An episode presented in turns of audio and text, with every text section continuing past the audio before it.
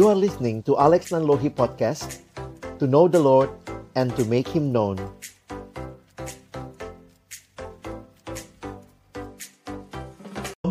Selamat malam teman-teman sekalian. Senang banget malam hari ini Boleh ketemu dengan teman-teman semua Baik yang sudah join dari awal maupun nanti akan join. akan join nanti ya Halo, iya, selamat malam. Apa kabar semuanya? Semoga sehat-sehat ya, Dek. Iya. Kita malam hari ini eh, senang sih ya bisa share dengan teman-teman sekalian. Halo semua. Akhirnya ada waktu lagi. Ada waktu lagi. Apalagi ini bulan-bulan Natal. Jadi Menuju Natal. eh, menuju Natal. Jadi Natal kayaknya Desember. Desember. ya. Jadi banyak kesempatan yang yang eh, apa? Kesempatan pelayanan yang Tuhan kasih juga. Makanya kepikir pas bisa kita live aja. nah, malam ini kita mau bahas tema apa, Dek? Malam ini kita mau bahas kalau dari tema yang kita sounding sih Iya, tentang putus. Agak kelam ya. Agak kelam gitu ya. Kayaknya wow, putus.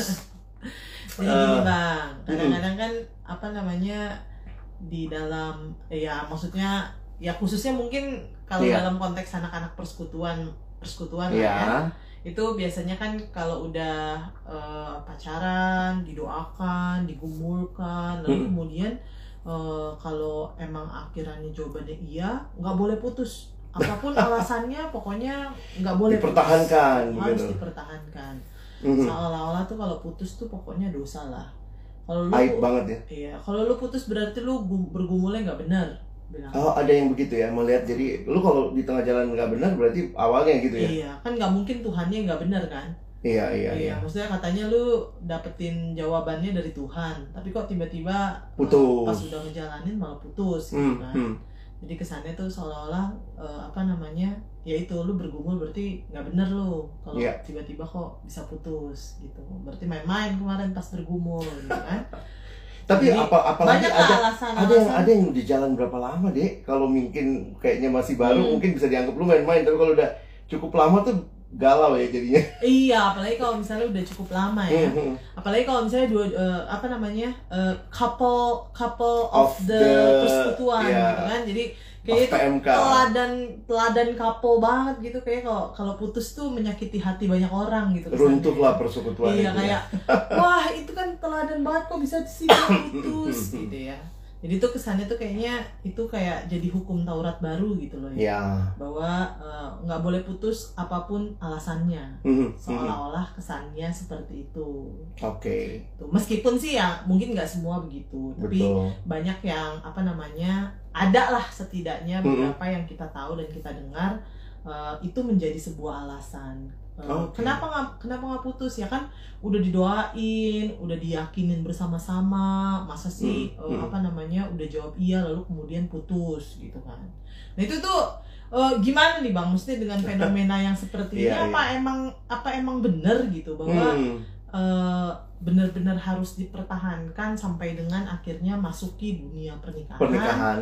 Atau sebenarnya bolehkah putus itu? Atau gimana sih? Maksudnya Hmm, eh, apa namanya? Dengan alasan apa sih kita boleh putus gitu? Kalau kalau emang Kalau mau, boleh gitu iya. ya. Kalaupun emang emang ya mau nggak mau harus putus tuh apa apakah memang harus ada alasan-alasan tertentu supaya hmm.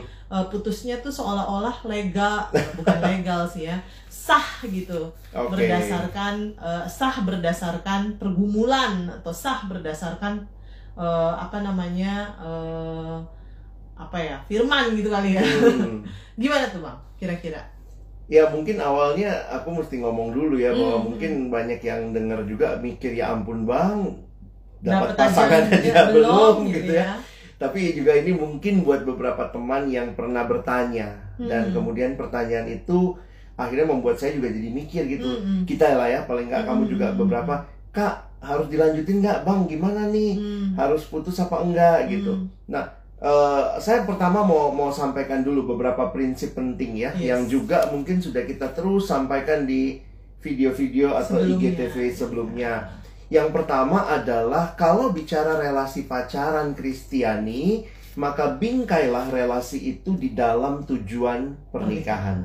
Sehingga karena tujuannya jelas Mhm. untuk pernikahan, maka dalam prosesnya kiranya juga kita melaluinya dengan baik. Hmm. Karena itu kita sadar juga ya bahwa pernikahan itu kudus, Mm. maka kita jaga kekudusan dalam berpacaran. Iya. Nah, jadi poinnya adalah begini mungkin deh ya. Mm-mm.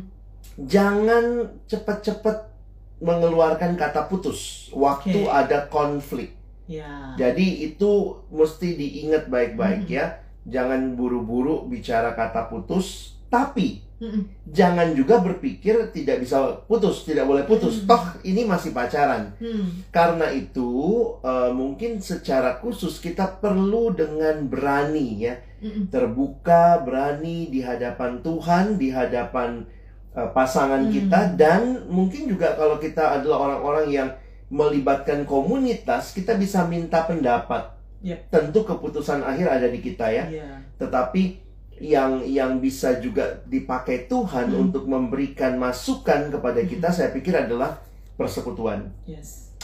Jadi, nah sekarang masuk nih. Mm-mm. Ada beberapa hal yang aku pikir bisa kita eh, apa ya? Ini ini mungkin jadi pertimbangan. Hmm. Pertimbangan yang tetap harus ada eh, prosesnya Hmm. ya karena akhirnya saya melihat gini deh bahwa di dalam kita memutuskan lanjut atau tidak sebuah hubungan ya kalau nggak mau Hmm. pakai kata putus ya Iya, iya, iya. ini dilanjutin apa tidak maka hal-hal ini tuh perlu dipertimbangkan dan mungkin harus dilihat dalam sebuah jangka waktu Oh, iya. poinnya makanya bukan begini baru minggu ini jadian cuman karena ye dia kok nggak ngerti sih gue maunya apa eh minggu depan diputusin itu kan lalu alasan Iya, iya, putusnya iya, adalah iya. dia nggak ngerti aku ya elah baru seminggu gitu ya Yes, yes. jadi poinnya ada tetap harus ada proses Hmm. dan dalam proses itu terbukalah untuk mengevaluasi terbukalah untuk eh,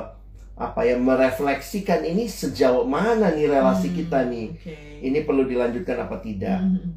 Yang pertama nih ya sesuai dengan prinsip. Jadi sebenarnya Yes. kalau kita pikir juga prinsip itu akan mewarnai juga ya. Iya, pertama pergumulan proses. ah, proses itu. yang pertama kalau putus kalau nggak seiman. Putuslah kalau nggak seiman. Iya. gitu ya.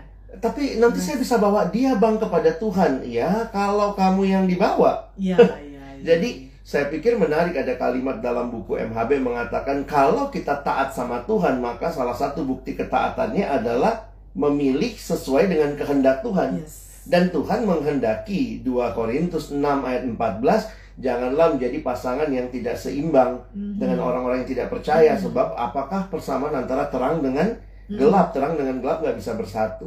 Jadi saya pikir jangan ditawar-tawar kalau udah jelas seperti itu.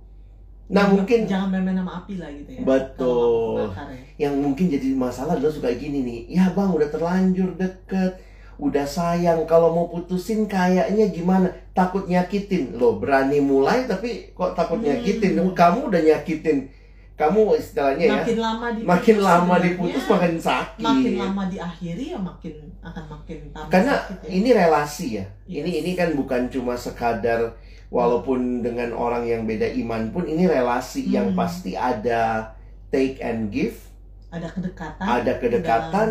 Aku suka pakai ilustrasi gini deh, sama kayak kita nanam ya. Mm-mm. Kalau kamu menanam pohon, makin lama kamu tanam pohonnya bertumbuh dengan baik, misalnya Hmm. akarnya makin subur, maka waktu dicabut itu lebih banyak tanah Tanah, yang ya. terkuak.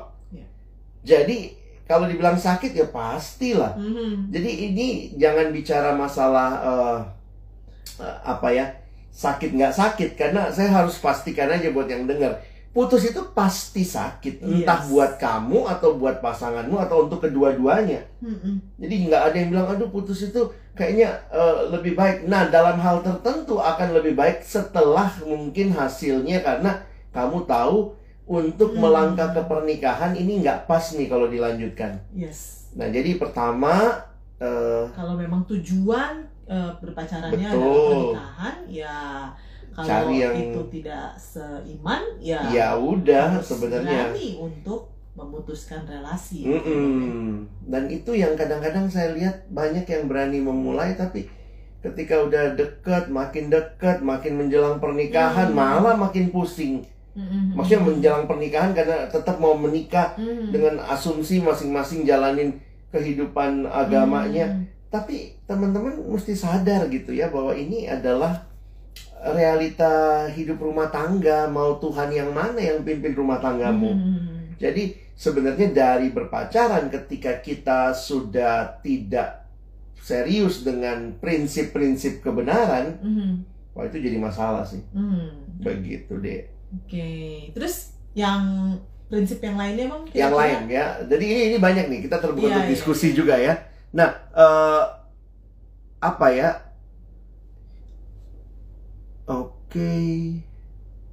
Oh nanti kita jawab deh pertanyaannya soal masalah eh, ada yang nanya soal kesepadanan. Oke. Sebenarnya kalau bicara kesepadanan di Alkitab itu paling awal kalau lihat ayatnya Hmm. itu sepadan tuh sama-sama manusia Ya, ya, ya. ya karena Allah menciptakan uh, manusia begitu ya untuk kemudian bersa- bersatu dengan manusia lainnya Adam sama Hawa gitu. Jadi hati-hati bicara kesepadanan hanya sekadar memberikan label yang sebenarnya Alkitab nggak berikan gitu. Hmm. Ya, tapi juga mesti lihat bahwa dalam Alkitab bicara kesepadanan dalam iman, saya pikir itu jelas karena ayat yang tadi ada ya 2 Korintus 6 ayat 14. Oke. Iya. Eh, prinsip yang lain adalah eh, mungkin yang kita suka bahas juga deh. Iya. Apakah orang ini Mm-mm. pasangan kita Mm-mm. menghargai kita sebagai eh, manusia? Iya, menghargai sebagai ya manusia lah ya. sebagai sebagai pasangan lah. Iya, sebagai pasangan. sebagai ya sebagai ya manusia ya sebagai seorang diperlakukan dengan baik gitu. seorang perempuan memperlakukan laki-laki, Laki-laki seorang laki-laki memperlakukan- memperlakukan perempuan gitu kan. Jadi bagaimana kita tidak sampai buta dengan cinta gitu ya, tutup mata Hmm. ketika misalnya beberapa hal terjadi. Udah jelas ada kekerasan, KDRT enggak ya KDRT eh, KDRP, kekerasan dalam pacaran. berpacaran. Jadi misalnya ada tuh yang kayak begitu tuh, eh, dimaki-maki, Hmm. dipukulin gitu. verbal maupun fisik. Ya. verbal dan Hmm. fisik itu kadang-kadang kalau kita melihat ini dan kemudian tidak ada perubahan ya, ini Hmm. maksud saya Iya, iya. balik lagi ada proses ya dan tidak ada perubahan tidak mau ditolong untuk berubah putuslah kalau Yes. memang tidak ada perubahan dan Iya. itu ciri apa ya cikal bakal eh, kalau dibiarin terus Iya, dan itu berani nanti, melangkah ke ya, pernikahan Ada wah ya seperti itulah Kita ya, tahu lah ya. Ya. yang namanya kekerasan dalam rumah tangga bahkan saya harus katakan yang menyedihkan banyak keluarga Kristen juga Yes, mengalami mengalaminya. Jadi jangan cuma bilang, oh itu mah kayak di sinetron.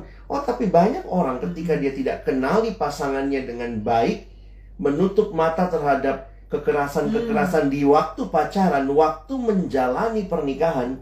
Wow, itu masuk ke dalam Hmm. neraka duniawi itu ya. bahkan ada yang akhirnya ini ya bang maksudnya eh, apa namanya tutup mata gitu terhadap kekerasan Iya. dalam rumah tangga karena ngerasa bahwa eh, apa namanya ya udah eh, apa namanya harus eh, gunain ayat Alkitab lah ya kan Mm-mm. harus maksudnya tunduk gitu kan Mm-mm.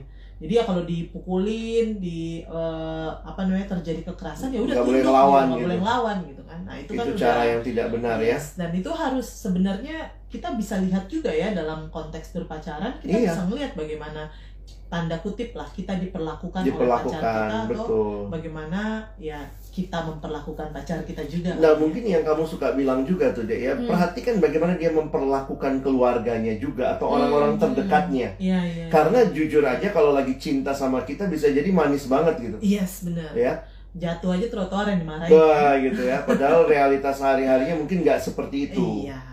Nah jadi itu juga bagi saya Hmm. eh, perlu benar-benar kita gumulkan. Tentu sekali lagi ya, saya sangat percaya ada pemulihan. Karena itu Hmm. tadi saya bilang ya, proses nih penting juga. Waktu proses itu dia bersedia ditolong apa tidak, atau mungkin kalau kamu yang punya kecenderungan seperti Hmm. itu, kamu bersedia ditolong atau tidak, dan akhirnya ya cari pertolongan dan kemudian kalau memang ada perubahan, tentu nggak ada yang sempurna ya Mhm. Nggak ada dari kita yang sudah sempurna nggak mungkin Hmm. lagi mungkin marah dan kesel tapi kan perhatikan waktu kita marah Iya. kita kesel gimana respon kita main Hmm. tangan kah Iya. pakai mulut meng, meng- apa ya menyakiti Hmm. secara verbal. Nah, itu kalau itu memang jadi kebiasaan, nah bayangkan tuh dibawa ke pernikahan itu korbannya kadang-kadang masalahnya tuh waktu awal-awal tuh baik-baik bang nanti udah mendekati Hmm. masa-masa pernikahan udah siap-siapin semuanya nah Baru baru, kelihatan, kelihatan gimana tuh bang kadang-kadang yang ini yang ini suka jadi apa ya dilema ya kadang-kadang ya saya saya sangat meyakini gini lah ya tentu kita juga berdoa Hmm. dengan tulus waktu menjalani Yes. relasi izinkanlah orang lain juga ngelihat relasi kita gitu Hmm. jadi komunitas jadi penting karena waktu komunitas melihat relasi Mm-mm. kita paling tidak bisa memberi penilaian gitu Iya. eh ini dia seperti apa jadi Hmm. terbukalah untuk menerima evaluasi kritik nah kalau memang sudah at the very end ya saya pikir ya mesti milih. Iya. Mau lanjut walaupun misalnya "Ih, kita udah keluar duit banyak nih persiapan Hmm. pernikahan. Aduh nggak seberapa deh dibanding kerugian yang dialami Ha, ketika ketika sudah maksain menikah sama iya orang yang akan menyakiti kamu dan itu kan seumur hidup dalam Iya. penghayatan kita ya. Benar sekali jadi ya Hmm. memang benar-benar harus eh, mengenal ya orangnya Iya. seperti apa dan mungkin juga terbuka tadi ya betul Eh, maksudnya mem- membiarkan orang-orang melihat relasi kalian tuh sehat atau enggak betul karena kadang-kadang kalau misalnya lagi ya tanda kutip lah kadang-kadang kalau kita lagi eh, jatuh cinta tuh sering kali ah itu kan bercanda. Padahal mungkin orang Oh, sekitar iya. kita melihat wah itu, Itu- udah nggak benar. bercandaannya. Udah kasar bercandaannya. Seperti itu. Jadi emang butuh banget untuk orang melihat gitu ya bagaimana relasi kita dan kita ya juga uh, butuh, terus Butuh, terus iya. mengenal ya. Makanya mungkin uh, hati-hati juga ya di dalam memutuskan apa Hmm. namanya ya nggak untuk nggak semua kasus ya. Betul. Cuman kadang-kadang kalau misalnya kita baru kenal lalu kemudian uh, berpacaran juga nggak lama lalu kemudian menikah. Nah itu juga ya itu kita itu harus juga berhati-hati dengan hal itu. bukan berarti yang kenalnya singkat itu pasti apa nggak mungkin bertahan bukan begitu juga ya Iya, tidak. Makanya nggak semua kasus. nggak semua Tapi kasus ya memang akhirnya pengenalan menjadi Ya, yang logikanya sangat penting ya. pengenalan itu butuh Hmm. waktu Benar sekali. Jadi kalau nggak sama-sama berusaha, apalagi kalau kenalnya cuma singkat, tahu-tahu memang kebelet merit gitu ya. Iya. Aduh dipaksa nih keluarga udah bilang harus Hmm. merit nih, kalau nggak nanti umurmu udah berapa. Iya. Dan banyak yang akhirnya mengorbankan pengenalan Yes. dengan berpikir yang penting dia anak Tuhan. Nah. Padahal menurut saya ya tentu anak Tuhan itu filter awal, tapi Iya. anak Tuhan seperti apa? Mm-mm. Bertumbuh atau tidak? Ah. Apakah dia anak Tuhan yang masih punya emosi-emosi negatif Mm-mm. yang yang terjadi dan maksudnya dia terbuka untuk ditolong Yes. bagaimana kerinduan dia untuk berubah Benar sekali. dan waktu pacaran apa yang dilakukan jangan cuman pacarannya yang diomongin hanya hal-hal manis nggak mungkin yang Mm-mm. kamu suka ngomong ya melakukan kegiatan bersama itu kan menunjukkan makin menunjukkan aslinya Ya, harusnya. seharusnya ya itu pun masih mungkin ditutupin Oh ya iya dong, masih Mm-mm. mungkin gitu kan. Apalagi kalau misalnya eh, kalau ada eh, cowoknya tuh ngomongnya lembut. Kalau Iya. misalnya udah nggak ada, udah keluar itu semua apa kebun namanya? binatang ya bisa jadi ya jadi ya memang seperti itu ya. Jadi Hmm. eh, kalau tadi yang pertama eh, kalau ya putuslah kalau misalnya memang nggak seiman. Iya. yang kedua putuslah kalau emang misalnya eh, kamu sadar dan orang lain melihat bahwa kamu sudah tidak, Tidak dihargai bahwa relasinya itu adalah relasi yang sebenarnya menyakiti bahkan dan saling saling, menyakiti. merusak. Ya dan saling merusak. Nah, Ya, makanya di dalam ini, Dek, di dalam dalam masalah meng- dia menghormati kamu apa Hmm. tidak, itu juga terkait dengan nah ini sedikit konteksnya. Hati-hati dengan teman-teman yang sudah jatuh dalam dosa seksual. oh Jadi akhirnya begini, kita melanjutkan relasi hanya karena begini, ya udah gue sama dia, dia sama gua gitu. Hmm. Lalu kemudian setiap kali keinginan bertemunya adalah supaya bisa berhubungan misalnya. Hmm, Pengennya kalau ketemu supaya semakin apa ya hanya sekadar Yes. menikmati uh, hubungan relasi fisik lah fisik ya Hmm, dan bagi saya itu itu udah jelas juga tidak menghargai. iya Nah, apakah ada pengharapan? Tentu ada untuk teman-teman yang mau bertobat, mau berubah, Hmm. tapi sekali lagi itu butuh waktu. yes Jadi saya untuk beberapa kasus ketika saya lihat gitu ya, kamu lanjutin begini terus, kamu jadi maaf ya, iya budak daripada nafsu pasanganmu begitu. Dan akhirnya terus menerus jatuh ya di dalam Iya. dosa yang sama dan itu udah nggak sehat ya relasinya ya Dan sebenarnya. ada yang bilang gini, Bang, tapi kalau saya putus sama dia, ini biasanya yang perempuan ya. Kalau saya putus sama nggak dia, ada terus mau terima siapa gitu. yang mau terima saya? Saya udah tidak tidak suci, saya udah tidak kudus. Saya tetap meyakini ya Tuhan bisa memberikan permulaan yang baru kok. benar sekali Jadi jangan karena jangan stuck sama orang yang hanya membuat kamu terus-menerus hidup dalam ketidakbenaran gitu. benar sekali. Ya jadi dua hal itu. Mm-mm. ada lagi nggak bang kira-kira? Yang yang satu lagi mungkin ya itu masalah bertumbuh ya. Hmm, bertumbuh itu masalah aspek kerohanian yang bagi saya juga eh, ini teman-teman makanya ya pertanyaannya apa yang dibicarakan di dalam berpacaran? Yes. Apakah kita juga mau kenal dia secara Hmm, rohani? Hmm, dan kerohanian itu sekali lagi bukan embel-embel kehidupan. Hmm, hmm. jadi kalau jelas dia Kristen dia anak Tuhan katanya tapi apakah dia betul-betul punya relasi dengan Tuhan Mhm. saya harus katakan ini ya walaupun kayaknya orang bilang standarnya tinggi amat sih bang Hmm, tapi saya banyak ketemu dengan orang-orang yang mengalami pergumulan setelah menikah hmm, hmm, dan kemudian mengatakan iya bang saya nggak pernah tahu dia seperti ini. hmm, Oke. Dan yang dikeluhkan adalah misalnya ya hmm. pasangannya rajin melayani. Eh begitu menikah ternyata pasangannya nggak ngerti pelayanan. Cuman Kristen Hmm. tapi nggak ngerti pelayanan. Kristen tapi jadi misalnya kalau dia datang kebaktian ada temen ya kalau datang kebaktian alumni pacarnya ada tapi nunggu di luar di parkiran. Hmm. Jadi akhirnya dia merasa sangat-sangat apa ya mungkin kalau mau pakai bahasa jadi jelek banget ya. Sangat menderita kali.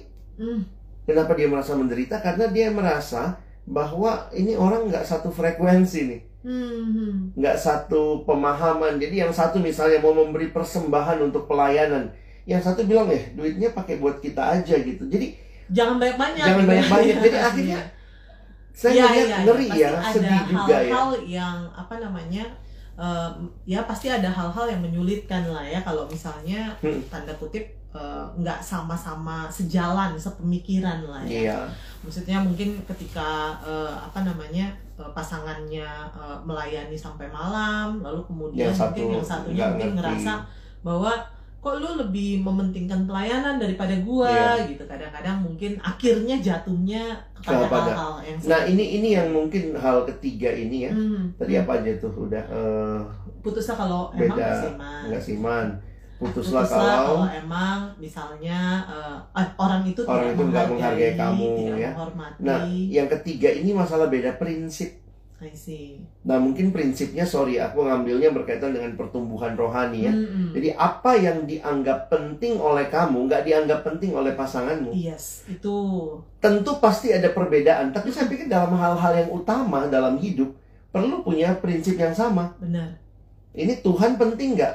Iya. Kalau buat dia hari Minggu itu bukan harinya Tuhan ya udah hari Minggu kita jalan-jalan aja itu yang paling penting. Kita udah kerja capek dari Senin sampai Hmm, sampai eh, eh, Jumat begitu ya. Sabtu kadang-kadang orang beralasan gitu ya Sabtu hari keluarga, Minggu hari eh, hari hari jalan-jalan gitu. Ya Tuhan hanya embel-embel dalam hidup. Nah pertanyaannya kita sama-sama ngerasa penting nggak? Hmm, hmm.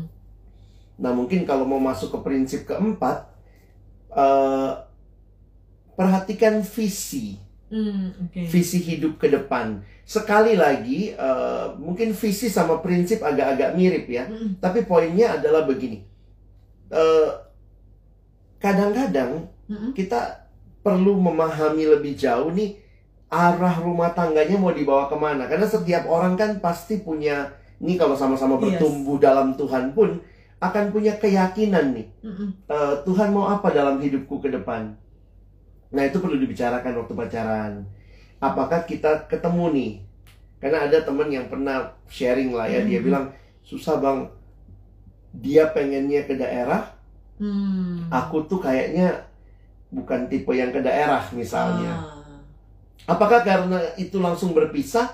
Nah saya juga Enggak. bilang enggak ya. Karena visi ayo kita bicarakan. Kalau begini, kalau ternyata kita bicara visi dari Tuhan yang sama, yes. Ya tentu waktu kita akan membentuk keluarga kita harus konsul sama Tuhan. Hmm. Walaupun mungkin terjadi maaf ya, mungkin akhirnya yang satu mengalah. Tapi kalau dia mengerti itu mengalah dalam dalam rangka keutuhan keluarga, mengalah dalam rangka, Dalam rangka mencapai visi Allah visi Allah ya. Itu itu bukan masalah mengalah, bukan masalah menang kalah. Mm-mm. Jadi sekali lagi saya juga suka bilang kalau ada yang berpisah hanya karena beda visi, saya suka tanya dulu gitu, yakin udah diomongin. iya iya iya Karena kadang-kadang ada titik temu deh.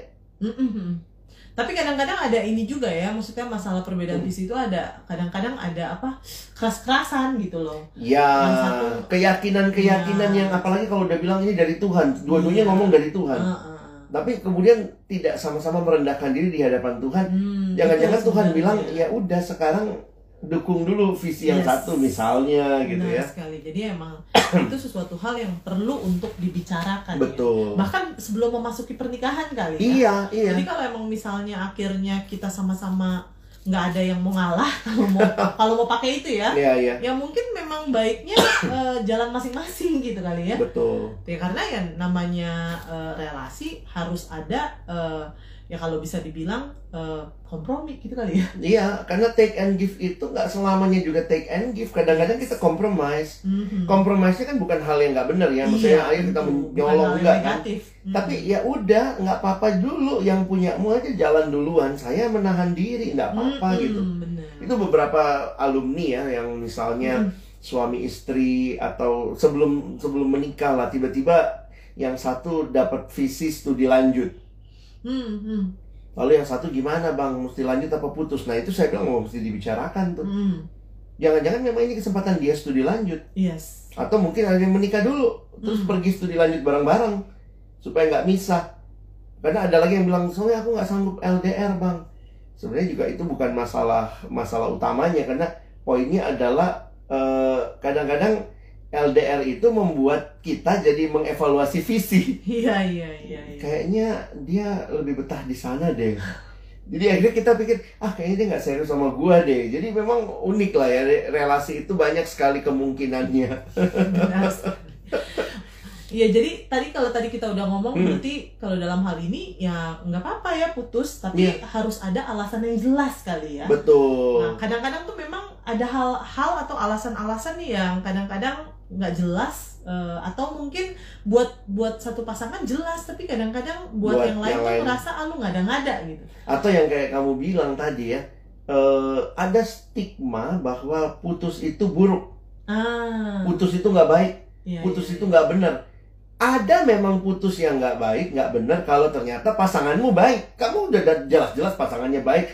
Kamu putusin hanya mungkin karena nafsumu lagi lihat yang lain lebih cantik, lebih ganteng, Iya. tiba-tiba terpengaruh. ada juga bang yang eh, apa namanya ngera apa berpikiran lah bukan Iya. langsung putusin ya tapi berpikiran untuk putus karena ngerasa eh udah datar udah Ya udah nggak ada. udah nggak ada rasa udah eh ya udah biasa aja gitu itu gimana ya bang kira-kira ya Aku juga sadar ada situasi seperti itu, tapi coba dengerin pembahasan kita sebelum-sebelumnya. Ah, bahwa faktor perasaan itu bukan satu-satunya alasan. oke Karena itu, perhatikan ya, aku menarik Hmm. ada teman bikin quote begini.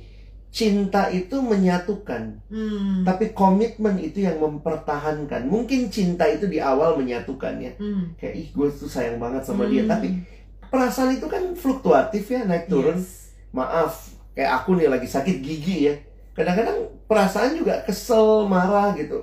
Kalau wanita perempuan lagi misalnya eh, datang Datang bulan gitu. Perasaan itu fluktuatif, makanya memang untuk sesuatu hal yang jelas harus ada komit komitmen. Nah, sehingga perlu evaluasi lagi Hmm. apa yang terjadi dengan relasi kita nih. Hmm, hmm, Kalau saya ngerasanya biasa-biasa saja, masalahnya jangan-jangan ada di saya hmm. atau ada di kamu atau Hmm. ada di pola komunikasi kita. Hmm, hmm, hmm, hmm. Jadi memang mungkin perlu ya sama-sama secara dewasa selama berpacaran terus ada waktu untuk evaluasi, evaluasi sama-sama. jaga relasi komunikasi ya Betul. seperti itu iya sih memang karena kadang-kadang banyak yang ngerasa bahwa ah eh, udah datar udah nggak ada inian udahlah apa namanya Iya. putus aja gitu Nah itu yang nanti- menurutku kadang terlalu cepet ya ngomong Iya. putus hanya karena itu ya.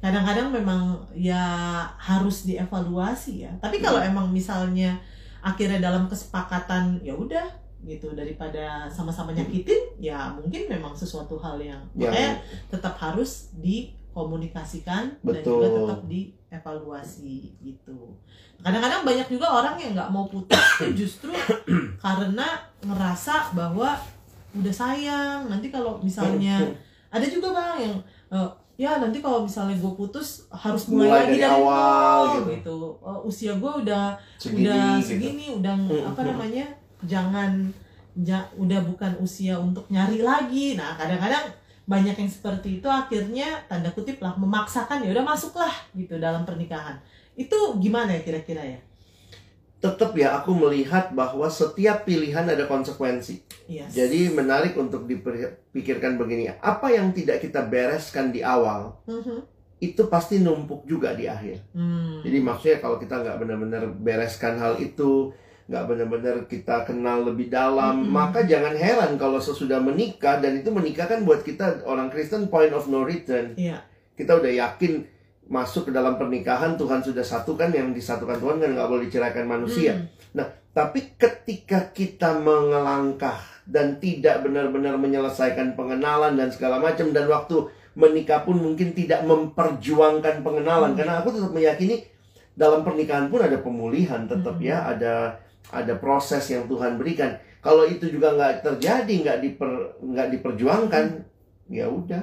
Yes. Jadi kayak apa yang ditabur di depan ya bisa dituai di belakang tuh itu yang bagi saya sih agak mengerikan ya. Yang yang sudah baik menabur aja masih bergumul, apalagi yang nggak Iya, dengan iya, baik iya. menabur ya kadang-kadang Dari kita pikir awalnya. di awalnya jangan ya jangan sampai kita bermain-main lah Yes. dengan eh, apa ya pacaran atau Hmm. teman hidup begitu ya. Meski tetap ya tadi ya relasi itu sebuah Betul, proses, proses. Ada beberapa komen tuh bang kayaknya. Oh iya. Nah, Mau coba dibacain dulu? eh ini ada pertanyaan Dede, bacain deh. Dari Yang mana ya? Yang, Yang ketiga eh Oh, itu yang pertanyaan ya. aja. Eh, nanya dong kok ada nggak gaya hidup Ini adik kita yang yang- selalu ikutin. kalau habis kesel-keselan bisa akhirnya bersatu tetap misal sebelum tidur beresin dulu masalah pas malam kumpul-kumpul untuk minta maaf Kita berdua udah makin tahu polanya ya. Udah berapa tahun kita Iya. menikah ya? ya eh, nyaris 10 Udah hampir 10 tahun ya. Jadi memang udah ketemu polanya jadi tahulah kapan marah. Eh maksudnya kapan marah. Kalau marah tuh Eh, harus diapain harus diapain. harus gimana Kita kapan- struggle juga ya teman-teman mungkin yang dengar kita struggle lah di tiga tahun pertama atau dua tahun pertama ya. Mm, mm, mm. Karena maksudnya benar-benar eh, pacaran yang cukup lama aja kita waktu itu empat tahun ya. Mm, nyaris Dari empat tahun pacaran eh, tetap belum bisa dibilang kenal sepenuhnya. Mm, mm, mm. Karena pengenalan itu terus berlangsung. Jadi Iya. waktu itu misalnya saya selalu maunya kalau punya masalah selesaiin hari itu juga omongin omongin. Sementara eh, istri maunya diem dulu, Mm, mm, mm. tenang dulu. Makin dipaksa makin merasa nggak nyaman gitu.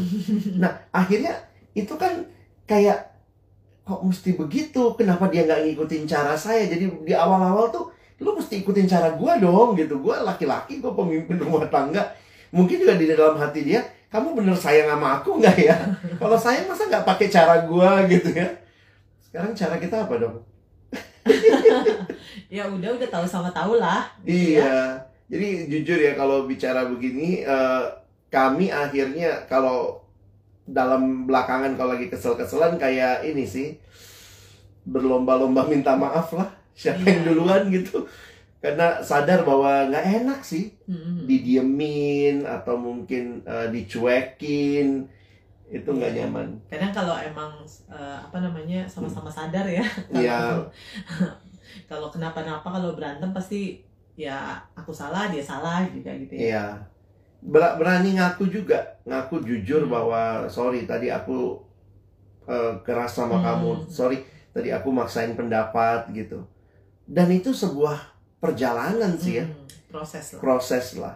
Ya, kalau memang situasi seperti itu jadi eh, buat kita juga bukan berarti tidak ada masalah, ada, tapi kita belajar menyelesaikannya gitu. Dan saya pikir sih nerapin prinsip Alkitab lah ya. Iya. Berani saling mengampuni saling menegur saling mengaku dosa gitu ya. Oke. Sama-sama belajar. Kita lihat ada pertanyaan nih dari teman kita sebentar eh sorry kelihatan nggak deh Eits.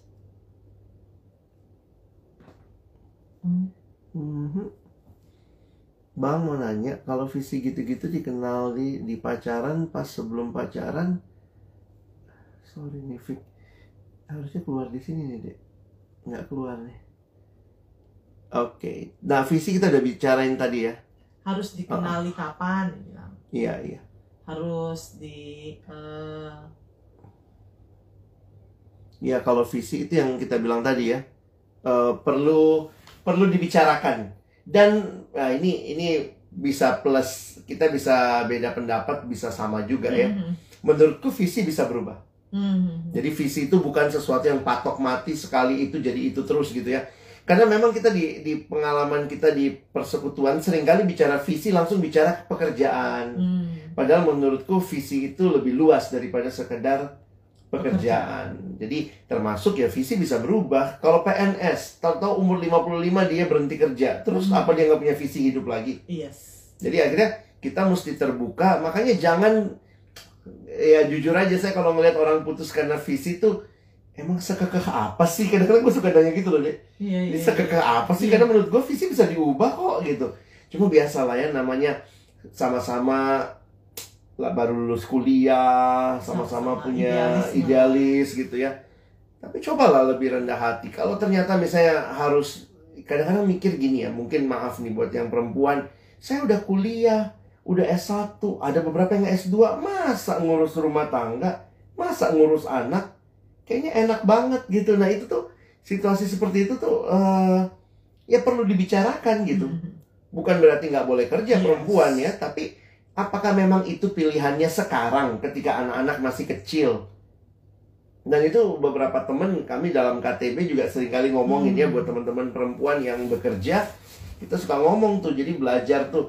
eh nih, nah, tapi nanti lah itu kan urusan pernikahan ya. Karena kayak misalnya gini, eh, kita ngelihat pasangan kita nih, suami atau istri yang di luar rumah. Kadang kalau kita yang di rumah, kita berasa Ih, enak ya dia ya. Oh. Gua ngurusin anak-anak Iya. dari pagi sampai sore. Dia enak ketemu reunian sama temennya. Asik ya gue dia. Ah, itu tuh waduh. Nanti, itu nanti lah itu bukan bahasan di pacarannya. Oke. Ada pertanyaan nih dari Christine. Mau nanya kak, bang, bagaimana caranya abis baru putus biar nggak sedih terus-terusan dan nggak inget sama dia? Dek, Tuhan kasih pikiran sama kita itu harusnya kita sadari juga. Tidak mungkin tidak mikirin. Apa gimana sih ngomongnya dek? Karena gini teologi ingatan itu tuh nggak berarti ketika kita putus kita lupain nggak ada lagi di memori nggak begitu cara cara bekerjanya Iya. pikiran kita nggak langsung lupa nggak langsung lupa kayak eh, hilang ingatan ya bukan bukan hilang ingatan iya Teologi Kristen mengakui bukan hilang ingatan. Jadi kadang-kadang saya mikir gini, berarti bukannya melupakan, Mm. tapi apa dong?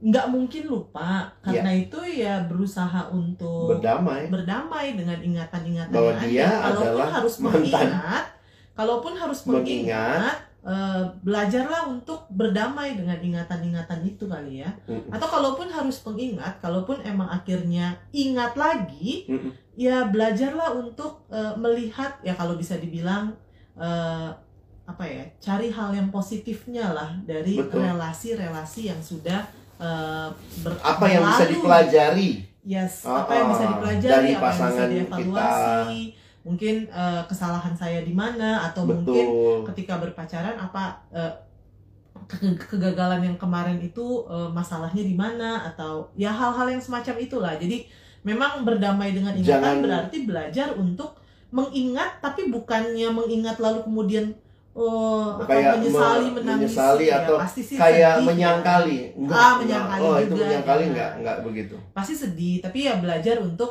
eh, ya udah eh, oh oke kemarin itu eh, salah saya di mana Eh, supaya nanti itu bisa menjadi sebuah pembelajaran untuk mungkin relasi ke Ke depan.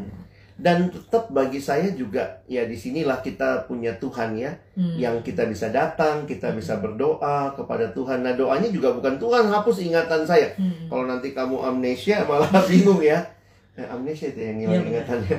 Jadi, doanya adalah Tuhan, tolong ketika saya mengingat itu saya tidak membuat diri saya merasa masih pacarnya dia hmm, atau sedang pacaran sama Hmm. dia, tapi itu adalah pengalaman hidup yang pernah. Tuhan izinkan saya lalui dan Tuhan tolong saya belajar sesuatu dari situ. Iya.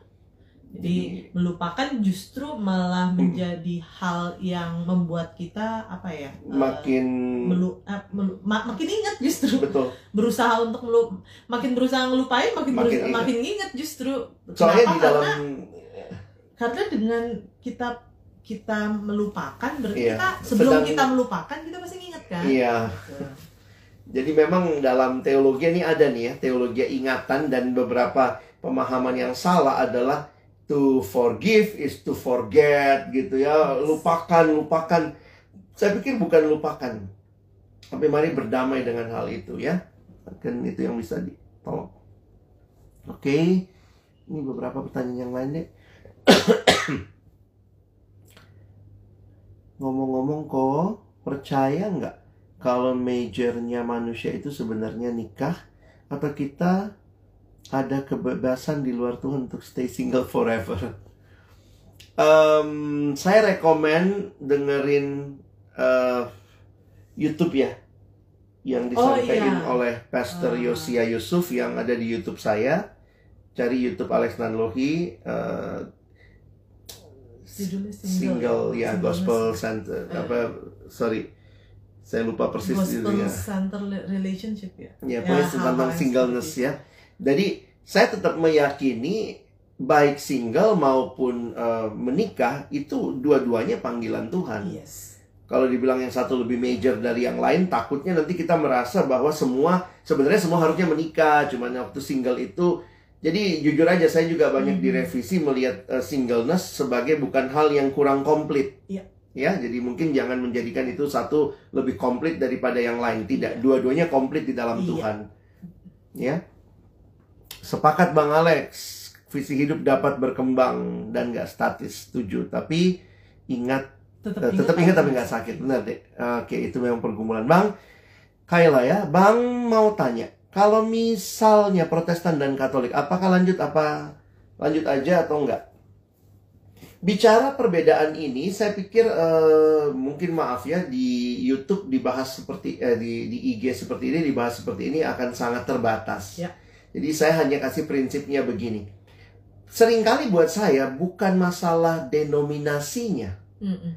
tetapi masalah lebih utama dia bertumbuh nggak dalam Tuhan. Karena sampai hari ini saya banyak punya teman yang Katolik, punya teman yang Protestan yang bertumbuh dalam Tuhan. Tapi juga jangan lupa di dalam Protestan mungkin ada yang nggak bertumbuh, di dalam Katolik mungkin ada yang nggak Iya. bertumbuh. Jadi bukan masalah kita sama-sama Protestan nih Hmm. lebih gampang. Tapi dia Protestannya bertumbuh dalam Tuhan nggak? Kami sama-sama Katolik nih, tapi jadi jujur aja ya, di samping beberapa perbedaan, tapi saya tetap meyakini bahwa bertumbuh di dalam Tuhan, beriman pada Yesus, lahir baru lah ya istilahnya, itu yang paling mendasar. Tentu hal-hal yang lanjutannya adalah nanti Iya. ke depannya mau gereja Di mana itu itu ke, itu udah sama kesepakatan keluarga tuh. juga kan Mm-mm. jadinya. harus dibicarakan dan menurut Iya. saya jangan disepelekan karena apalagi kita dari sama-sama denominasi Protestan aja, yang Protestan sama karismatik aja. Mhm. itu pun kita harus berpikir nanti mau ibadah di mana. Oh nggak apa-apa masing-masing. No, masing-masing kalau belum punya anak, kalau nanti punya anak, Mm-mm. anaknya mau ikut papa, ikut mama, padahal sama-sama. Nah di situ kan akhirnya butuh kerendahan hati, sama-sama melihat mau ke gereja mana, iya komunikasikan. Belum lagi papanya majelis di situ, Ah, iya. mamanya majelis di sana. Yang satu bilang pemberkatan di sini, nggak boleh di sana. Itu kadang-kadang memang jadi ribet gitu ya. Tapi akhirnya teman-teman harus lalui sebagai proses yang di dalamnya perlu komunikasi. Oke. Oke. Cin Kak Alex sorry. Oh, Ci Debi ya. Kau mau nanya, istri itu dalam gereja boleh jadi pemimpin nggak? Kalau boleh, di mana ayatnya? Oke, soalnya debat cewek memimpin bingung kalau feminis banget Kristen anti wanita. Nah, kamu yang bahas nih. Wah, ini panjang ya. Jadi ya, ini tesisnya Cici. eh, Prinsipnya aja mungkin. Prinsip pun nggak bisa beda-beda ya. kalau kalau saya, kalau saya sih pastinya yang namanya eh, apa namanya? Kalau saya ya, Hmm. ya mungkin bisa berbeda. Hmm. Tapi kalau saya dalam eh, pergumulan melihat bahwa ya eh, bukan masalah gender kepemimpinan itu, tapi masalah eh, kualitas dan kapasitas. Hmm. Jadi eh, kalau emang misalnya eh, lebih yang perempuan mungkin lebih punya kualitas dan kapasitas ya kenapa enggak? Jadi Hmm.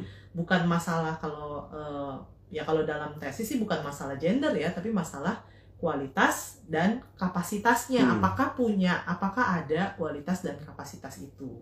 Seperti itu. Jadi eh, ya begitu.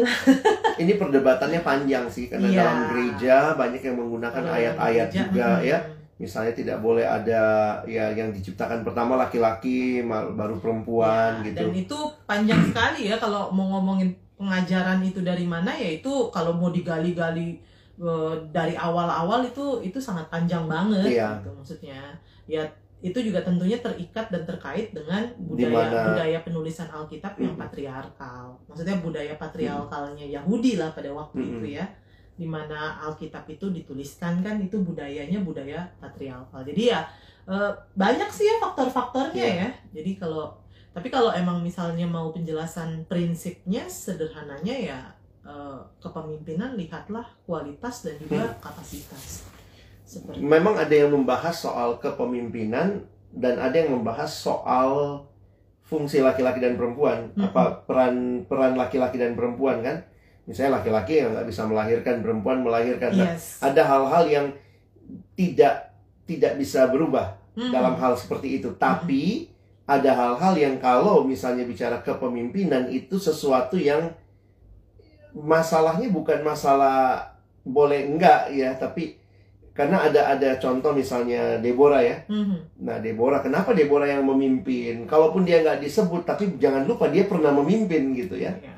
Oke itu Nah, itu discussion. iya. ya baik jadi mungkin balik ke gereja masing-masing ya termasuk teman-teman kan ada di gereja arus amanah Iya. kalau misalnya di gereja itu mengakui kepemimpinan Mm-mm. wanita bagaimana meng- mengaktualisasikannya Iya. pada pasti beda-beda juga ya Dan mungkin kita harus belajar menghormati budaya gereja masing-masing Betul, ya. Dan jangan saling- pengajaran gereja masing-masing bukannya Mm-mm. memaksakan juga betul seperti itu. oke baik jadi itu ya Bang, jika sehabis putus dengan pasangan karena alasan yang esensi seperti yang abang jelasin tadi, namun setelah putus jadi seperti menjaga jarak dengan mantan pacar, apakah hal ini hal yang tidak tepat? Kita masuk masuk aja kali ya Bang pembahasan Oke. selanjutnya ya. Kita Kalau pakai tadi waktu kita selanjutnya. ngomongin eh, oke berarti putus itu bisa tapi alasannya harus jelas. Nah, sekarang ini eh, gimana nih Bang? Eh, Hmm. baiknya kalau emang akhirnya eh, mengakhiri relasi Mm-mm. itu mungkin daripada ngomongin kalau gimana caranya move on, mungkin kita Ya, sebelum move on sebelum dulu ya. on dulu Kalau kita- memang harus putus, kalaupun harus putus eh, baiknya itu ngakhirin relasinya seperti apa gitu. Oke, saya ngelihat beberapa hal yang penting Hmm. dalam hal ini ya, Dek. Pertama ya, mulailah dengan komunikasi yang wajar. Hmm.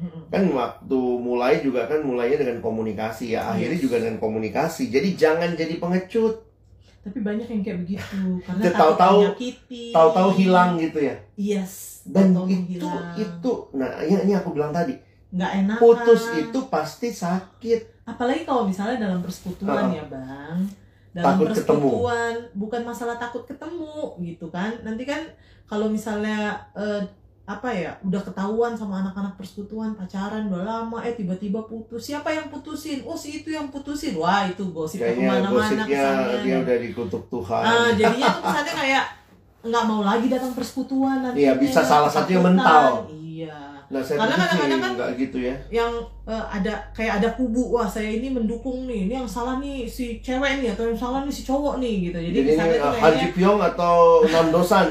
bukan gitu itu nggak nyambung Oh, nggak nyambung ya. tapi poinnya ya poinnya kadang-kadang seperti itulah akhirnya dibuat kubu bahwa dan akhirnya yang yang satu tuh yang entah yang diputusin entah entah yang memutuskan itu jadi kayak kepental gitu loh sehingga Ah. akhirnya milih jalan jalan ini aja deh jalan muter atau jalan jalan apa ya Belakang. jalan belakang ya udahlah eh, digantung aja digantung Nah, itu saya nggak setuju sih kayak gitu ya. Hmm. Maksudnya belajarlah berkomunikasi dengan wajar. Jadi Hmm. maksudnya gini juga ya. Mungkin buat teman-teman yang memang akhirnya dalam pergumulan baik kamu ataupun karena ini juga bisa jadi belum tentu yang satunya mau putus ya. yes Kalau bicara memang udah kita gumulin ya. Misalnya kalau tapi kalau kita merasa udah kayaknya udah udah ini jadi keputusan Hmm. maka berusahalah untuk mengkomunikasikannya dengan wajar. Jangan takut soal sakit karena pasti sakit. iya Cuma masalahnya adalah belajarlah menyampaikan dengan sopan, jangan bohong, tidak jadi pengecut, jangan menghilang. benar Di persekutuan tuh banyak yang bisa disepir ya, ghosting ya. tiba-tiba Tiba-tiba menghilang Nggak ada. gitu ya. Tiba-tiba nggak pernah Nggak bisa datang lagi, nggak bisa dikontak, hapus nomor gitu-gitu ya. Lalu usahakanlah dalam pertemuan tatap muka. Jadi nggak nggak SMS atau nggak WA Iya. ya, kita putus aja ya. Aduh. Ya, ini lalu abis itu block sama- number. itu sama pengecutnya ya sebenarnya. Betul. Jadi ya memang baiknya itu ketemuan gitu, ajak Hmm. ketemu. Kalau kita ngajakin berdoa untuk ja- eh, un- kalau mau jadian aja baik-baik, ketemu eh, nggak melalui apa SMS ataupun Hmm. WA ya Hmm. putus pun seharusnya caranya Betul. juga dengan tatap muka ya ketemu ya. Baik, jadi itu perlu ya teman-teman belajar untuk gentle dan juga eh, kalau perempuan apa? Sama lah gentle ya. Ya, maksudnya Gentleman. gentleman sama woman ya, ya. humble woman atau apalah ya. Karena perlu lah untuk kita benar-benar mengakhirinya juga dengan baik. Soal sakit itu pasti deh. Jangan jangan bilang nggak ada sakitnya gitu. Aduh, kamu berarti nggak punya perasaan juga ya. Tapi itu mesti dilihat tujuan yang lebih besar. Kalau ternyata itu ke depan tidak lebih baik atau memang kamu yakin harus selesai, ya udah itu jadi bagian yang semua keputusan ada konsekuensi. dan harus belajar jujur kali ya kenapa Hmm. putus maksudnya Iya. apa alasannya bukan alasan yang dibuat-buat Atau bukan- begini, eh, udah biar aku aja yang tahu alasannya lah. hmm, Itu itu menurutku nggak juga. menjelaskan Makanya aku bilang jangan bohong, jangan mesti jujur. iya maksudnya harus belajar untuk Kalaupun Menjelaskan. dia nggak terima, karena kan mungkin alasannya adalah dari dia. hmm, Tapi juga jangan lupa banyak juga alasan mungkin dari kamu. Kamu sih cerewet, kamu sih begini ya. Berarti kan logikanya kamu nggak terima orang cerewet, kamu nggak Hmm. terima orang yang seperti ini. Jadi sebenarnya kita mesti bisa dengan dalam juga memikirkan. iya jadi kejujuran kejujuran untuk memut keberanian untuk Hmm. jujur memutuskan itu pun sebenarnya butuh untuk evaluasi jadi Betul. itu terlihat lah ya kalau emang misalnya kamu sudah doakan kamu sudah sudah pikirkan matang-matang itu akan terlihat dari alasan eh, yang diberikan saat memutuskan Hmm. kalau alasannya cuman ah gue udah nggak ada rasa ah itu berarti eh, alasan yang dibuat-buat lah mungkin ya. Ya, mungkin Kenapa ada bisa- alasan lain. kenapa bisa eh, nggak ada rasa lagi? Harusnya kan digali lagi kan oleh dirinya ya maksudnya oleh yang mau mutusin gitu. Kenapa kenapa kenapa udah nggak ada rasa lagi? Pasti ada masalah. Masalahnya di mana? Masalahnya di, kah? di kita di diri saya kah? Di Iya, komunikasi kah? Di di dia. dianya kah? Ada hal yang nggak disuka kah? Gitu kan? Pasti pasti ada yang lebih dari Hmm. sekedar hilang rasa Tapi ini mungkin sorry karena aku tadi baca Yes. pertanyaannya teman kita eh Fanny Dea dia ngomong ya bang kak saya pernah punya relasi LDR dan putus karena saya bosan. Nah asumsi saya berarti eh, Fanny Dea yang mutusin ya. Gimana caranya supaya dalam relasi nggak bosen ya? Nah saya melihat ini mungkin dalam video-video yang sebelumnya kita bicara ya sebenarnya apa yang harus penting dalam pacaran tujuannya. Kalau ini untuk pernikahan, maka kita pun akan belajar gini. eh ini sesuatu yang mesti dibangun. Iya. Sesuatu yang harus di apa ya? Di cultivate ya kayak nanam-nanam sesuatu akan tumbuh kalau Nah, bagaimana nggak bosan? Ya belajar untuk eh, melihat gimana ngomongnya? ya? boleh nggak saya bilang bahwa apa namanya ya pacara ya di dalam bukan hanya di dalam menikah ada komitmen tapi dalam berpacaran Pacaran pun juga, ada iya. komitmen dan itu berpacaran berarti kita itu juga menjadi sebuah latihan untuk kita berkomitmen dalam Dalam kita, pernikahan. kan. maksudnya gini kalau dalam berpacaran Udah bosen bosen. putus eh, jangan lupa loh pernikahan itu Iya, seumur hidup seumur hidup. Ada bosannya nggak? Ya, ada. pasti gitu Hmm, nggak mungkin ada. nggak ada yang seperti tadi mungkin abang bilang ya Hmm. perasaan itu fluktuatif jadi bukannya berarti kemudian eh, apa namanya Dia nggak ada terus, terus begitu. naik. Ini makanya lihat ya, banyak keluarga di dalam masa pandemi karena ketemu terus, bayangin tuh. Kalau dia bosen atau kalau dia apa ya, jadi akhirnya banyak katanya yang tingkat perceraian meningkat nih iya dalam Katanya situasi begitu ya. begitu. Nah, bagi saya sebenarnya gini, teman-teman harus menemukan nih alasan yang lebih jelas untuk pacaran, lalu komitmen yang lebih firm, dan itu memang mengatasi kebosanan itu ya banyak cara lah. Poinnya makanya dalam, tapi ini bukan tentang harus ya. belajar eh, harus Punya belajar ini. juga Punya kebiasaan-kebiasaan kali. hmm. Nah itu kan kebiasaan-kebiasaan itu istilahnya begini. Kalaupun saya bosan, tapi karena kami sudah punya kebiasaan, maka kebiasaan itu harus tetap dilakukan dan itu bisa jadi cara kita jadi ingat gitu. Oh kita kita terikat komitmen nih dengan orang ini gitu. Dan mungkin bisa mengevaluasi bersama dengan pasangan kali ya. Betul. aku tuh lagi bosen nih sama eh, hubungan Mm-mm. ini. Maksudnya eh jangan baperan juga kalau misalnya tiba-tiba Yang satu pasangan- bilang pasangan kita bilang lagi bosen sama relasi Hmm, ini ya ya itu harusnya menjadi sebuah evaluasi, evaluasi. Eh, kenapa ya? Kenapa bisa bosan? Apa yang salah? Salahnya di siapa? Atau salahnya nggak usah di siapa lah itu kayak kesannya nyalahin. Cari tapi salahnya di mana gitu Eh, disalah di komunikasi kah atau mungkin karena terlalu sering berkomunikasi jadinya bosan kah? Kan bisa jadi gitu Iya, ya. betul. Eh, terlalu sering diperhatikan jadinya bosan, Bosan, ada tantangan atau mungkin jangan-jangan jarang diperhatikan makanya juga bosan bisa juga. Bisa. Jadi Jadi, temukan ya, alasan temukan kenapa, bosan. gitu. Dan coba cari bagaimana mengatasinya. Iya. Dan karena tetap itu mesti akan ingat. jadi latihan juga ya nanti. Iya, kalau pernikahan pernikahan. Wish, bosennya bisa bosen banget kalau memang kita nggak tahu tujuannya ngapain, terus kayak kita nggak punya sesuatu yang kita lakukan dengan pasangan kita gitu ya. Hmm, Jadi kayak iya. ngelihat ih tatap-tatapan aja sepanjang hari ya bosen juga. Tapi kan hidup pernikahan bukan seperti itu ya, ada tanggung jawab, ada bagian yang kita lakukan gitu. atau ya kalau dalam masa-masa bosan Hmm. mungkin eh, perlu apa ya eh, melakukan hal masing-masing bukannya break ya bukan tapi ya mungkin melakukan hal masing-masing ya me- menemukan hal-hal baru untuk dilakukan juga bersama Bersama, betul, betul. Iya. Jadi hargai space masing-masing tapi juga Yes. ciptakan space bersama ya. iya begitu. Baik, em, mungkin ini beberapa bagian terakhir sebelum kita juga harus selesai nanti ya. Menurut Bang Alex, ada nggak yang namanya salah jodoh setelah menikah? Saya meyakininya begini ya, em, kalau sudah menikah sebenarnya tutup tutup case close gitu ya. Karena bagi saya ya menilainya kalau aku lebih sukanya bukan salah jodoh Oh. salah pilih Iya iya iya. Tapi kan salah pilih ada kesan kayaknya eh, Tuhan kok nggak intervensi. Tapi Oh. ya itu yang aku pikir kan kita diberi kebebasan kebebasan itu yang kita salah pakai gitu ya. Iya, kita yang salah pilih bukannya Tuhan yang salah kasih Mm-mm. ya. Tapi Karena- waktu sudah kita jalanin ya ya udah nggak bisa kita kita bersama orang itu gitu.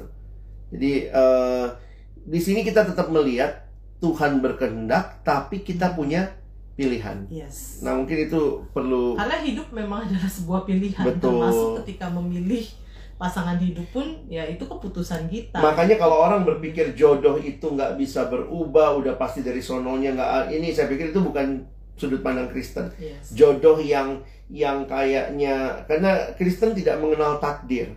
Kita nggak bicara takdir sekali udah ditentukan lalu kemudian terjadi dalam sejarah seperti lu mau nggak mau harus mau nggak. Kekristenan tidak melihat eh, apa hidup seperti takdir, tapi Tuhan punya eh, memberikan kebebasan buat kita memilih. Jadi Mau milih ikut rencananya ya atau enggak? Oke. Eh, Oke.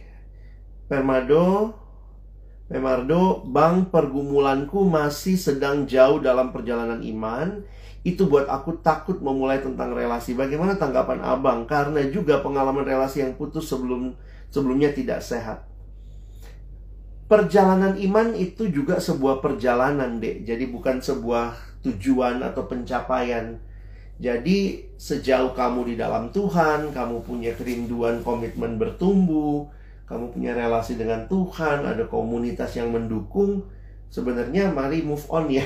Iya. Jangan takut juga memulai relasi. Jadi mintalah misalnya ya kalau mungkin kamu pernah ada dalam relasi yang tidak sehat, ketika mulai berelasi kan kita jadi tahu nih, Mhm. saya tuh bisa jatuhnya di Dalam hal apa? situasi apa, hal apa. Jadi saya bisa minta teman-teman persekutuan jagain saya gitu ya. Eh, untuk misalnya eh, tidak sampai jatuh lagi gitu. Tapi jangan juga jadi takut nggak mau mulai relasi nanti bakal jatuh. Jangan seperti itu. Tentu juga ya eh, bukannya berarti kemudian eh, proses pertumbuhan itu nggak dijalanin ya, tetap ya prosesnya tetap harus Tetap. mm-mm. dilaksanakan. Halo Anthony. Iya nih pengen ya ketemu langsung ya udah lama nggak ketemu kamu ya. Lagi jalan-jalan ya. Anthony lagi jalan-jalan nih kayaknya. Eh aku belum ketemuan, saya juga belum keluar rumah karena masih tinggal sama orang tua yang sudah berumur juga jadi membatasi banget sih keluar rumah. Jadi nanti eh, kalau mau ngobrol nanti teleponan ya atau mau zoom atau mau apa nanti bisa. Oke. Sepakat Renov. Oke, jodoh dari Tuhan manusia diberi kebebasan untuk memilih. Oke, baik. Em, kok jadi pria dan suami yang baik kayak gimana ya? Ada yang bilang kalau kelar, kekar pasti modelnya kasar, tapi kalau lembut jadi kemayu. Jadi laki-laki yang dipimpin keluarga itu arti apa prinsip-prinsipnya? Ngomong-ngomong waktu berpacaran itu kan kita perlu talk deep kayak anak mau berapa, ekonomi gimana, wedding budget berapa, itu kapan kita mulai kode-kode udah bisa dalam dalam tanyanya. Nah ini pertanyaan eh, penting karena saya pikir jangan melihat dari penampilan ya, Mhm. tapi kemudian juga mari belajar untuk eh, dalam menjalani relasi itu kita makin menemukan yang misalnya yang pria makin jadi pemimpin, yang perempuan makin menunjukkan support kepada Hmm. yang yang pria, lalu bagaimana pembicaraan-pembicaraan itu saya pikir ya dalam kalau pernikahan jadi tujuan, maka sebenarnya di tahun-tahun menjelang nikah paling enggak satu tahun sebelumnya atau dua tahun sebelumnya ada hal-hal yang udah bisa dibahas. Atau di awal-awal juga Iya. bukan Mungkin kalau khususnya kayak misalnya mau anak berapa, mau Hmm. kayak apa itu masih bisa di awal ya. Iya. Ya kalau budget-budget ya udah Ah, deket-deket aja ya. Karena harga naik terus. Iya ya kira-kira gitu ya. Oke, iya Anthony, selamat jalan-jalan ya. Atau aku cuma lihat foto jalan-jalan doang ya. Oke. Oke. Baik, teman-teman, thank you ya karena malam ini juga banyak yang join, banyak yang Hmm. eh, share gitu. Thank you. Kita juga bisa ngomong hal yang penting. Jadi ada tips untuk move on? move on. Mungkin yang tadi kali ya Hmm. maksudnya eh, jangan jangan berusaha keras melupakan Iya, tapi kalaupun teringat doakan iya. kalaupun teringat belajar untuk berdamai dengan ingatan Kadang-kadang ada ini ya waktu ingat mungkin belajar lagi mengampuni Tuhan, tolong Iya. saya mengampuni karena bisa jadi kan dia disakiti Hmm. waktu putus gitu ya. bukan hal yang Hmm. mudah memang seperti itu dan ya eh, nggak apa-apa menangis gitu Iya, menangis iya. karena karena karena kehilangan sebuah relasi itu Betul. hal yang nggak apa-apa gitu even maksudnya meskipun kamu cowok ya nggak apa-apa juga ya itu sesuatu hal yang eh, wajar-wajar aja Mm. dan ya kalau ada eh, orang terdekat yang mungkin bisa diajakin eh, Sharing, curhat, curhat, ya. ceritakan Kita butuh Ya. shoulder to cry on. iya It's yang Christian bisa thing. menguatkan gitu ya jadi eh, nggak usah inilah ya nggak usah sok belajar sok Iya, tegar sok tegar, saya anak Iya, Tuhan, Tuhan akan iya. berikan pada waktunya yang terbaik. Uh-uh. Pasti, tapi kalau sekarang lagi sedih ya sedih Hmm, aja gitu. apalagi sok kuat sok tegar di belakang ngutuk uh, Iya, mantan gitu ya iya, Nah, iya. itu Doain yang gila. jelek-jelek. Terus ini juga kali ya kalau memang memang benar-benar mau move on, hati-hati untuk tentu mungkin ya kalau masalah blok-blokan number itu kan jelek ya, Hmm. tapi belajar untuk kasih space, jangan kontak terus. iya benar Kalau kontak terus apa bedanya gitu lalu kemudian yang satu juga memang masih kosong saling menikmati tapi HTS-an jadinya gitu ya. Iya, dan maksudnya kita yang uh, kalau misalnya kalian adalah pihak yang memutuskan uh, jangan kemudian sosokan uh, Kayak mau baik-baikin sok peduli lalu Iya, kemudian beberapa tanya ada yang begitu. gimana kondisi Oh, oh. iya lu Itu- iya, itu lebih nyakitin. iya, iya, maksudnya nggak usah nggak usah sosok peduli padahal sebenarnya lagi pengen Mm. ngelihat aja lu kehilangan gue nggak sih lo Hmm. eh, eh, nangis kan lo kayak gitu maksudnya ya kayak gitu paham lah Ada yang Jadi punya ya, kepuasan di atas penderitaan orang lain. ya. iya maksudnya eh, sudah lah kalau emang misalnya sudah eh, menyelesaikan kalaupun mau bukannya berarti kemudian Tidak menjalin relasi kontak, baik ya. ya tapi berikanlah waktu space tadi gitu kali ya Betul. ya Kasih mungkin space. kasih space gitu beberapa minggu kah beberapa bulan kah sebelum memulai lagi kontak mungkin kalau dengan itikat baik ya tentunya ya Iya, dan kalau memang tidak dibutuhkan kontak, saya pikir sih nggak no problem ya. iya Jangan sampai akhirnya kita seperti tadi ya merasa bertanggung jawab karena kita yang Hmm. mutusin. Toh sudah selesai, iya belajar sama-sama untuk melewatinya. Dan tiap orang beda. Yes Ada yang butuh waktu panjang, ada yang butuh waktu Hmm. cepat, ada yang waktu dia udah jadian sama orang lain aja dia masih iya baperan. Jadi memang teman-teman kayak begini nggak ada teorinya, tapi saya pikir prinsipnya yang kita pegang ya. Bahwa kita harus move on, karena itu juga kesempatan kita melihat Tuhan juga membuka jalan dengan Iya. orang yang lain. Oke, jadi beberapa Yes. kesimpulan malam hari ini. eh pacaran tetap untuk pernikahan. Jadi dengan itu pacaran jadi sesuatu yang serius. Jangan buru-buru ngomong putus, tapi juga bukan berarti nggak boleh putus. Iya. Putus nggak selalu buruk. Nah, nah ini mungkin kutipan yang aku buat nih. Iya. Di dalam berpacaran tidak selalu perbedaan menjadi alasan kita untuk berpisah dan tidak selalu persamaan menjadi alasan kita untuk terus bertahan. Kenapa? Sama-sama dalam dosa, apakah itu alasan untuk bertahan? tentu Enggak tidak juga. Ada perbedaan nih, aku beda suku sama dia. Perlu berpisah nggak? Ya nggak juga ya. Jadi hati-hati kalau kita setiap kali melihat kalau beda kita pisah, kalau sama kita jalan Hmm. lagi. Jadi Nggak selalu uh, uh, tidak selalu perbedaan menjadi alasan kita Hmm. untuk berpisah dan tidak selalu persamaan menjadi alasan kita untuk tetap bertahan. Karena itu ya pikir baik-baik, Hmm. gumulkan di hadapan Tuhan, berkomunikasilah dengan orang-orang di komunitas saudara. iya benar sekali Ya kiranya ini boleh jadi berkat buat teman-teman semua. Ya. Terima kasih. Kita doa sebentar ya. boleh Bapak Surgawi, terima kasih malam ini boleh sharing dengan teman-teman baik yang mendengar langsung maupun yang akan mendengarkan rekaman eh, dari IG live ini di IG TV ya Tuhan. Hamba berdoa bagi teman-temanku dalam pergumulan makin dewasa di dalam relasi termasuk yang kami bahas malam hari ini mungkin terlihat buat beberapa kami masih jauh atau kami nggak mau sampai mengalami hal ini tetapi kiranya kami disiapkan untuk sebuah evaluasi relasi yang di dalamnya juga terbuka kalau memang harus selesai dan tidak lanjut. Tapi kalau memang harus lanjut, biarlah terus Tuhan tumbuhkan relasi yang lebih dalam dan di dalamnya Tuhan menolong teman-teman makin serius untuk melihat anugerah Tuhan dan melangkah ke relasi selanjutnya. Terima kasih hamba berdoa bagi teman-teman yang mungkin juga ada yang sedang sulit buat move on karena begitu sakitnya pengalaman berpisah tapi kiranya juga dalam anugerah Tuhan dan waktu yang ada Tuhan memulihkan menolong kami untuk maju lagi melihat anugerah Tuhan dalam relasi-relasi yang Tuhan akan berikan ke depan. Terima kasih.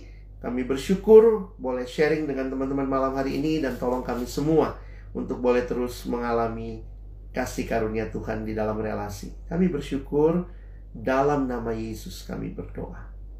Amin.